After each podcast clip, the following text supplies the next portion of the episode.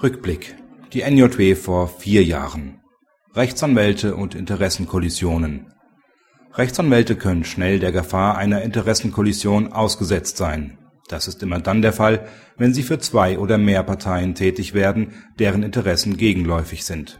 Sowohl im Strafrecht als auch im Berufsrecht existieren Vorschriften, die solche Interessenkollisionen untersagen Susanne Offermann-Burkhardt nimmt in ihrem Beitrag aus der Reihe Kanzlei und Mandat die einzelnen Tatbestandsvoraussetzungen dieser gesetzlichen Verbote unter die Lupe (NJW 2010, Seite 2489 in diesem Heft).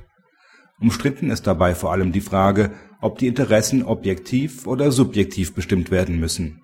Offermann-Burkhardt entscheidet sich für eine Lösung in der Mitte eine andere Interessenkollision stellt sich für diejenigen Advokaten, die neben ihrem Anwaltsberuf in einer Bank als Berater angestellt sein wollen, so wie in der NJW von vor vier Jahren.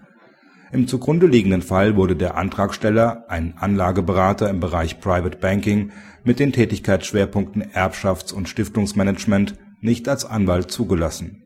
Zu Recht, wie der BGH in seinem Urteil festgestellt hat (NJW 2006, Seite 2488 eine Rechtsberatung der Bankkunden hinsichtlich der Vermögensnachfolge lasse sich vom Geschäftsinteresse der Bank, Kunden für das Private Banking zu gewinnen, nicht trennen.